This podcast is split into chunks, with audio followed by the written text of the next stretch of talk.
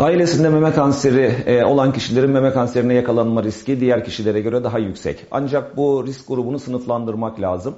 E, yakınlarından e, birinci derece yakın dediğimiz annesi, kız kardeşi gibi yakınlarında meme kanseri olanlar, hele bu yakınlarında 40 yaşından önce meme kanserine yakalanmışsa, bunlar iki taraflı meme kanseri görülmüşse ya da ailelerinde bir erkekte meme kanseri görülmüşse bu kişiler çok yüksek risk altındalar. E, bunlara genetik tarama yapılması lazım ve e, takiplerinin çok daha erken yaşlarda 25'li yaşlarda başlaması uygun. E, onun dışında ikinci derece yakınlarında meme kanseri olanlarda risk biraz daha düşük ama e, hala, teyze, hala kızı, teyze kızı gibi ikinci derece yakınlarında 2-3 kişiden fazla e, kişide meme kanseri bulunanlarda risk artmaktadır. E, bunların da takiplerinin erken yaşta başlanmasında fayda var.